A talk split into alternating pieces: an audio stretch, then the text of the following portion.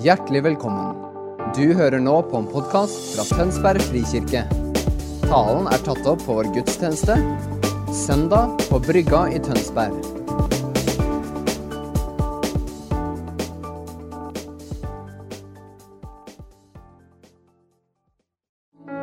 Takk at du har eh, revna forhenget, så at vi har full adgang inn til Faderen. Takk, Jesus, for at du valgte å dø på korset og stå opp igjen for vår skyld. Takk at du ved deg så har vi blitt rettferdige, og vi får lov til å stå her i dag med visshet om at vi er fullt og helt akseptert av deg. At du står der og tar oss mot med åpne armer når som helst og hvor som helst. Amen. Ja, jeg har gleda meg masse til den dagen her. Ehm, Jeg har eh, opplever at Gud virkelig har lagt noe på hjertet eh, som jeg har lyst til å dele med dere. Jeg tenker at eh, nå er vi jo i hvert fall i Tønsberg og Færder så har vi jo igjen fått veldig strenge restriksjoner. Og vi er henvist til hvert vårt hjem og ikke treffer folk. Og, ja. Men det som er bra, er at innenfor Gud så kan vi alle sammen være sammen. Selv om vi er hver for oss. Og det tenker jeg det er verdt å feire i seg sjøl. Det er ikke alle som har den muligheten. Um, og vi har mye, mye å være takknemlig for midt i den tida her. Um, og når vi snakker om den tida her, så er vi faktisk midt i fastetida. Uh, for noen uker siden så la vi tilbake til oss en trippelfeiring med fastelavnssøndag, Valentine's Day og morsdag, faktisk. Så vi har virkelig hatt en pangstart uh, inn i fastetida. Og så har vi hatt eh, fetetirsdag og askeonsdag. Og så hadde liksom startskuddet virkelig gikk da vi kunne få lov til å entre inn i denne fastetida. Um, og det er jo noe som Hvis man følger kirkeåret, uh, så er vi midt inne i det. Um, og det er derfor det er en glede å få lov til å snakke om bønn og faste akkurat i dag. Uh, I tillegg så står vi uh, vi, I morgen så starter vi bønn og fasteuka her i kirka vår, som Camilla nevnte på. Um, og det er noen dager hvor vi har satt av til å tre til sides, legge noe til sides for å være mer sammen med Jesus og ha litt konsentrert tid og oppmerksomhet uh, på han.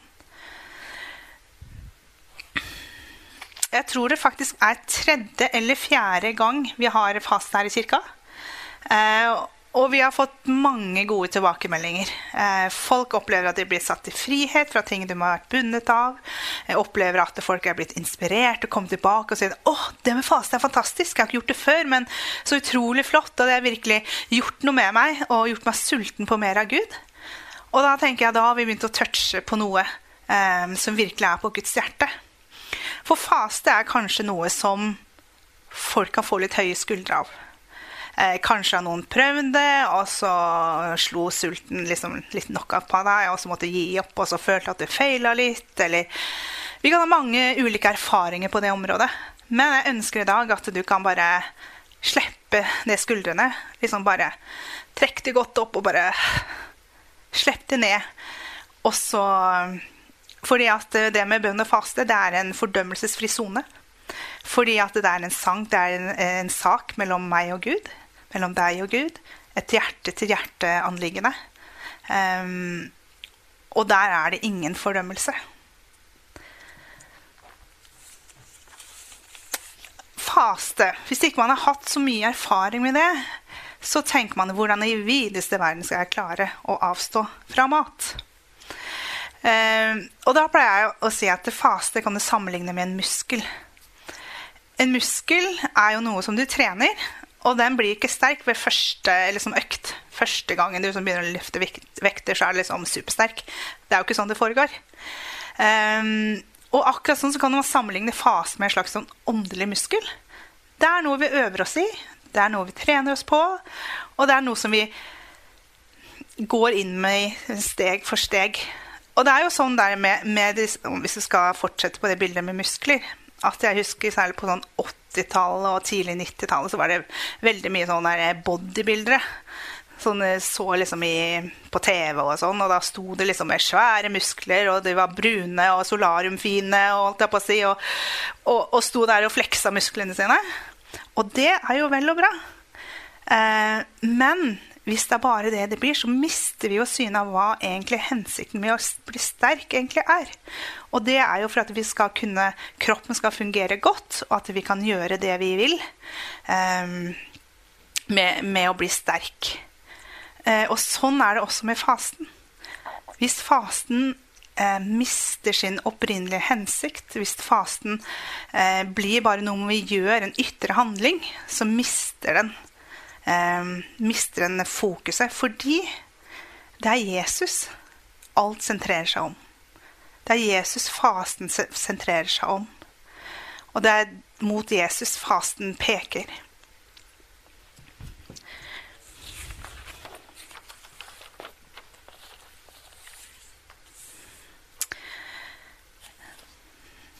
Vi kan få opp um, slide nummer én, tror jeg.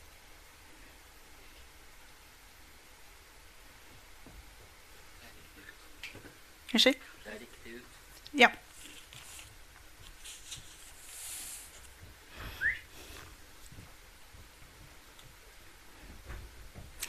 Hvis vi venter på det, så bare fortsetter jeg lite grann. Um, det er jo mange perspektiver man kan trekke fram når det gjelder faste. Og faste er jo slett ikke noe eget for den kristne troa. Veldig mange av verdensreligionene eh, har faste med seg. Um, og som eh, kanskje da eh, blir en slags sånn asketisk øvelse. Um, for å tekkes Gud eller tekkes gudene. Og så vet vi det at vi er allerede godtatt hos Gud. Vi er allerede akseptert. Ja, hvis vi kan ta neste slide, kanskje.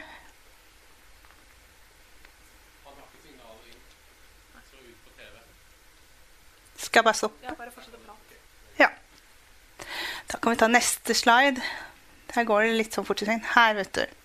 Det her er senter. Det her er det viktigste når det gjelder bønn og faste. Og det er at vi kan si som Johannes, døperen Johannes, om at han skal vokse, og jeg skal få lov til å avta. Det handler om at eh, han skal bli større, og jeg skal bli mindre. Eh, fordi at det er han som vi gir ære, det er han vi lever for, det er han som vi ønsker skal bli herliggjort gjennom livene våre. Og det er der fasen også kommer inn.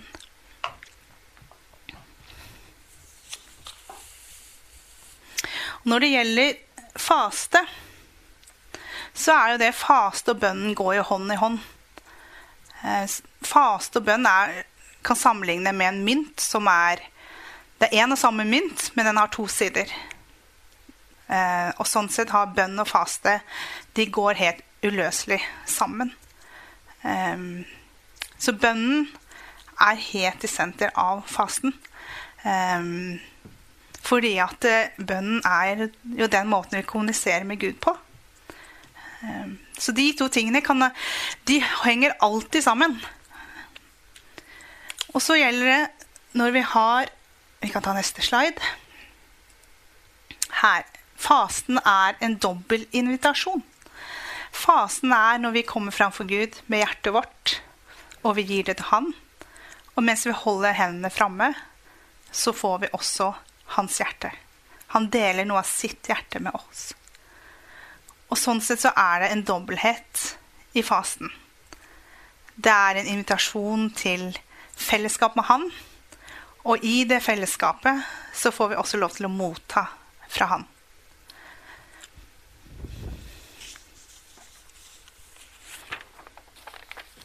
Jeg har lyst til å bare trekke inn et eksempel fra første gangen jeg fasta. Og jeg husker at det var en tid jeg jobba i laget. Eh, og jeg husker jeg begynte der, så tenkte jeg vet du hva, nå har jeg tatt meg vann over hodet. Det her er så store sko at jeg veit ikke om jeg klarer å fylle dem. Og da tenkte jeg hm, ja, kanskje jeg skal prøve med litt bønn og faste, da. Så jeg var full av pågangsmot og starta. Og jeg må ærlig si det at jeg har aldri vært så sulten i hele mitt liv. Og jeg har aldri tenkt på mat så mye i hele mitt liv. Um, og det endte faktisk med at jeg brøyta litt tidligere enn det jeg hadde tenkt. Og så tenkte jeg ja, ja, det var første forsøk. Uh, følte vel ikke at jeg lyktes helt, hvis man skal bruke de parameterne. Men det var første forsøk.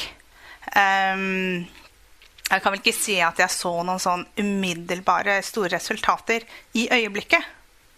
Men jeg opplevde over tid at det gjorde noe med meg. Og så opplevde jeg at nå fikk jeg en større kraft til å fylle disse skoene, som var egentlig altfor store. fordi det var ikke jeg som skulle fylle det sjøl, men det var Jesus. I meg og gjennom meg som fylte de. Eh, og det, det er en, erfaring jeg har tatt med meg siden. Um, og som på en måte har vært en sånn inspirasjon og en, uh, og en, erfaring som jeg har lent meg på. Og sånn tenker jeg at vi kan være for oss alle sammen. At du tar ett steg, og så, og så er det første steget, og det er helt ok. Hvordan det, hvordan det ender, eller hvordan det ser ut. Kan vi ta neste? Det her er et um, viktig poeng. Jeg pleier å si at faste det er en fysisk handling med en åndelig realitet. En fysisk handling knytta til en åndelig realitet. Og det har jeg lyst til å ta med oss til Matteus 27.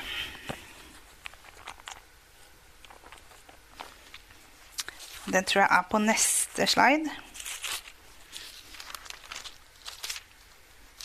Der.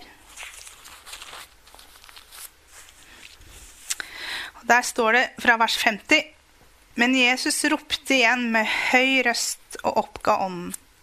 Da revnet forhenget i tempelet i to, fra øverst til nederst. Jorden skalv, og klippen slo sprekker. Gravene åpnet seg, og kroppene til mange hellige som var sovnet inn, ble reist opp. Etter Jesus' oppstandelse gikk de ut av gravene og kom inn i den hellige byen, hvor de viste seg for mange. Men da offiserene og folkene hans, de som holdt vakt over Jesus, så jordskjelvet og det som hendte, ble de grepet av stor frykt og utbrudd. Sannelig, han var Guds sønn. Hvis du tenker på det, kjernen i den kristne troa altså hvis du tenker tilbake på drøye 2000 år siden, hvor det var en mann som het Jesus eh, nede i Israel, nede i Midtøsten. Eh, han ble hengt på et kors, eh, og det ble sagt at han sto opp igjen. Hvis det bare var en fysisk handling der og da, hvis det bare var eh, et liv som utspilte seg der og da, ja, så hva har det da egentlig med meg å gjøre? Kan man tenke. Men så er det sånn at ved at forhenget revna i tempelet, så det viste oss da fysisk, noe som skjedde fysisk, så gjorde at vi fikk adgang til Gud. Og det er en sånn, en sånn virkelighet som, eh, som på mange måter er ulogisk, men som Den hellige ånd åpenbarer for oss og gir det til oss i hjertet. Og jeg tenker det er et veldig godt um, eksempel, kan man vel si, på hvordan det åndelige og det fysiske henger sammen. Og det er jo kjernen i troa vår, at vi virkelig tror at ved at Jesus kom til jorden, ved at Gud ga sin enbårne sønn til oss, så kan vi få lov til å ta imot frelse og frihet gjennom Jesu død og oppstandelse. Så jeg har lyst til å ta med oss med inn i Daniels bok. Daniels bok, kapittel 10. Daniel han var jo en av de blant de som ble eh, tatt til fangenskap og ført inn til Babylon. Um, jeg har forstått det sånn at han var rundt sånn ja, seint i tenåra da han ble tatt som fange blant en del av andre israelitter. Og han fikk veldig velvilje hos kongen, som regjerte i Babylon. Og han, men han holdt fast ved sin gud. Han begynte ikke å tilbe de gudene som var der. Uh, og han var rettferdig for Gud.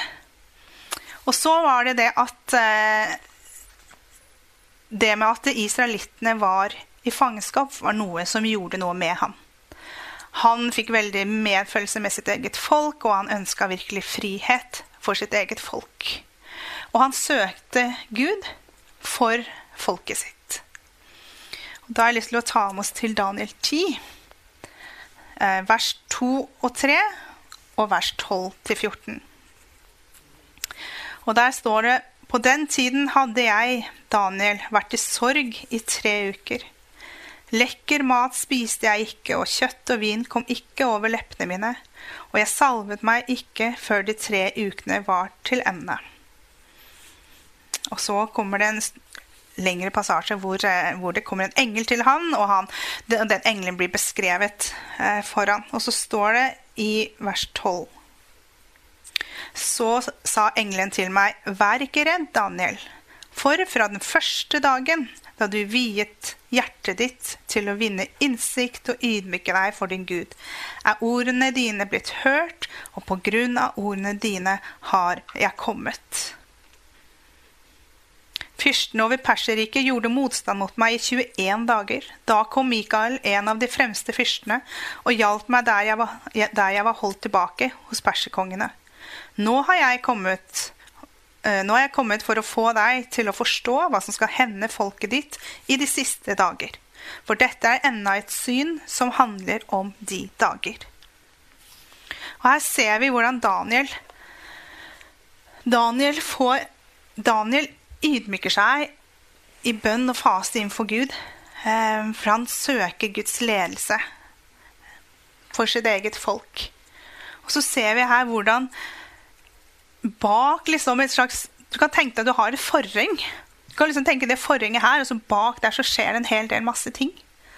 Og så får til og med Daniel vite hva er det som har skjedd. Fordi at svaret på bønnene hans uteblir. Og det, Jeg har noen ganger tenkt det, hvorfor i det hele tatt får han vite det? Eh, det har jeg ikke noen gode svar på. Men jeg tenker at eh, her ser vi en veldig eh, et tydelig eksempel på hvordan det åndelige og det fysiske henger sammen. Daniel sjøl valgte å faste. Det var ikke noe som Gud tvang han til, men noe han valgte. Og det ser vi at um, den første dagen du viet ditt hjerte til innsikt og ydmyke deg for din Gud, er ordene dine ble hørt.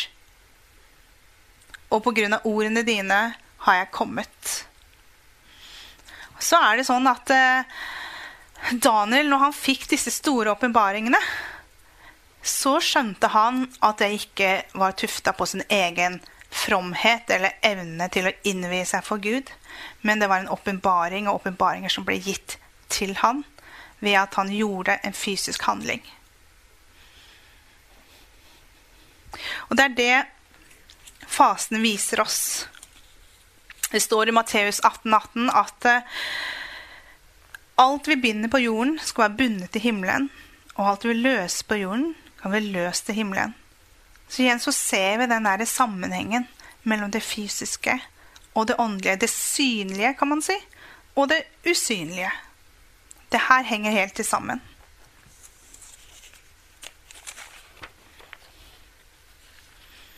Det er ennå et perspektiv som jeg har lyst til også å ta med på faste. Og det er prinsippet i Guds rike om å så og høste. Å investere og en høst. Vi kan ta neste slide, tenker jeg. Og det her handler jo om kraftdimensjonen ved bønn og faste. Så er det en lignelse i Matteus 13 som sier en lignelse til la han Jesus altså fram for folket. Himmelriket er lik et sennepsfrø som en mann tok og sådde i åkeren sin. Det er mindre enn noe annet frø, men når det har vokst opp, er det større enn andre hagevekster, så det blir til et tre, og himmelens fugler kommer og bygger rede i greinene på det. Man kan tenke som eh, bønn og faste som en investering. Eh, en investering i eget liv, hvis man faster for noe, noe, helt personlig. Men det er også en investering i Guds rike. Og så er det jo sånn med, med investeringer og det med å så høste at når man sår, så er det ikke sikkert man ser en umiddelbar høst. Men vi vet at når man har sådd, så kommer det en høst. Og når det kommer en høst um, på den måten som er beskrevet her, så står det at himmelens fugler kommer og bygger rede på greinene på det. Det vil si at det var for noen andre mer enn bare seg selv. Man sådde kanskje for sin egen del, og, og, og, og Gud har hørt eh, bønnene vi har bedt, i, sånn som vi så i Daniel. Eh, og så samtidig så kommer høsten også andre til gode. Kanskje kan man faktisk tenke sånn om, om sitt eget liv. At det jeg sår inn i Guds rike, kan neste generasjon få lov til å høste av. Vi pleier å si at uh, vår generasjon det vi får av åpenbaringer, av, av, hvordan Helligånd handler, hvordan Guds rike går fram um, At vårt tak blir neste generasjon sitt gulv. Sånn kan vi også tenke rundt det med faste at det er en investering. Eh, både i Guds rike framover her, men også for neste generasjon.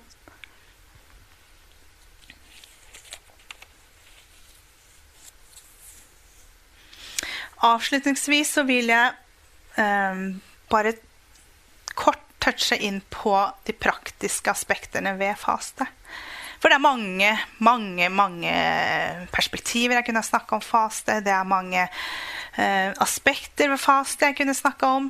Um, men jeg oppmuntrer deg hvis, er, hvis du ikke har fasta før, eh, å begynne eh, pent og, og, spørre Gud og bli ledet av Den hellige ånd også i det her. Jeg pleier å gjøre det sånn Jeg har ikke noen sånn fast rutine på at jeg faster liksom to ganger i uka, sånn som fariseerne gjorde, og, og, helt sånn faste ting. Eh, men jeg pleier å spørre Gud vil du at jeg skal faste. Og så erfarer jeg faktisk at eh, Gud kan legge ned en lyst og en glede til å avstå fra mat.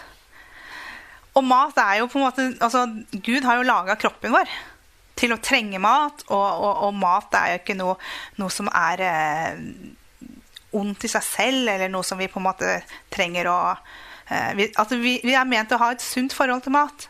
Um, så, men for meg så er det litt ironisk når Gud legger en lyst til å avstå fra mat. Da veit jeg at uh, OK, Jesus, nå kaller du meg til faste. Um, og det er sånn jeg tenker at Den hellige ånd kan lede oss. Han leder oss individuelt. Han leder oss ut ifra det utgangspunktet vi har. Um, og vi har friheten um, til å velge eller til å avstå. Um, Gud er ikke en gud som tvinger oss. Gud er en gud som kommer og inviterer og lokker på hjertet vårt. Og så kan vi få lov til å gi en respons på det han inviterer til. Så jeg, opplever, jeg vil oppmuntre oss til å spørre Gud, spørre Den hellige ånd, hva er det du vil med meg? I forhold til bønn og faste. Og så får du lov til å gå din vei, og så går jeg min vei. Um, og så får vi lov til å erfare hvordan Gud eh, trår nær eh, når vi velger å trå nær. Eh, så jeg har til slutt et spørsmål til ettertanke. Og det er hva kaller Jesus meg til angående bønn og faste? Tenker jeg at lovsangstimen kan få komme opp.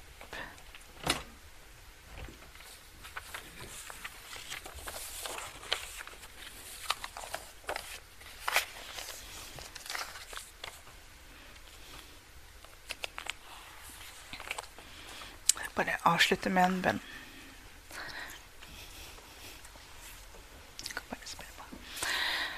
Kjære Jesus, jeg takker deg for at du inviterer oss til fellesskap med deg. Takk at du gjør det på så mange måter. Og du gjør det på den måten som vi best kan respondere. Takk deg, Jesus, for det er ikke noe tvang, men det er frihet. Takk at du tak, eh, drar på hjertet vårt til å tre nær til deg.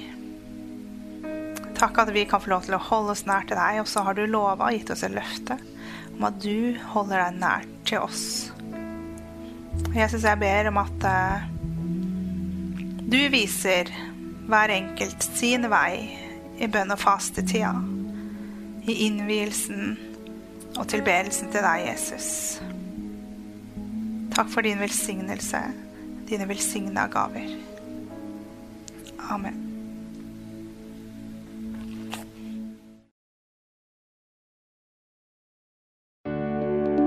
Takk for at du hørte på vår podkast. Har du spørsmål eller ønsker du å vite mer? Søk oss på vår nettside tonsbergfrikirke.no. Du er også velkommen til kirke på Brygga i Tønsberg.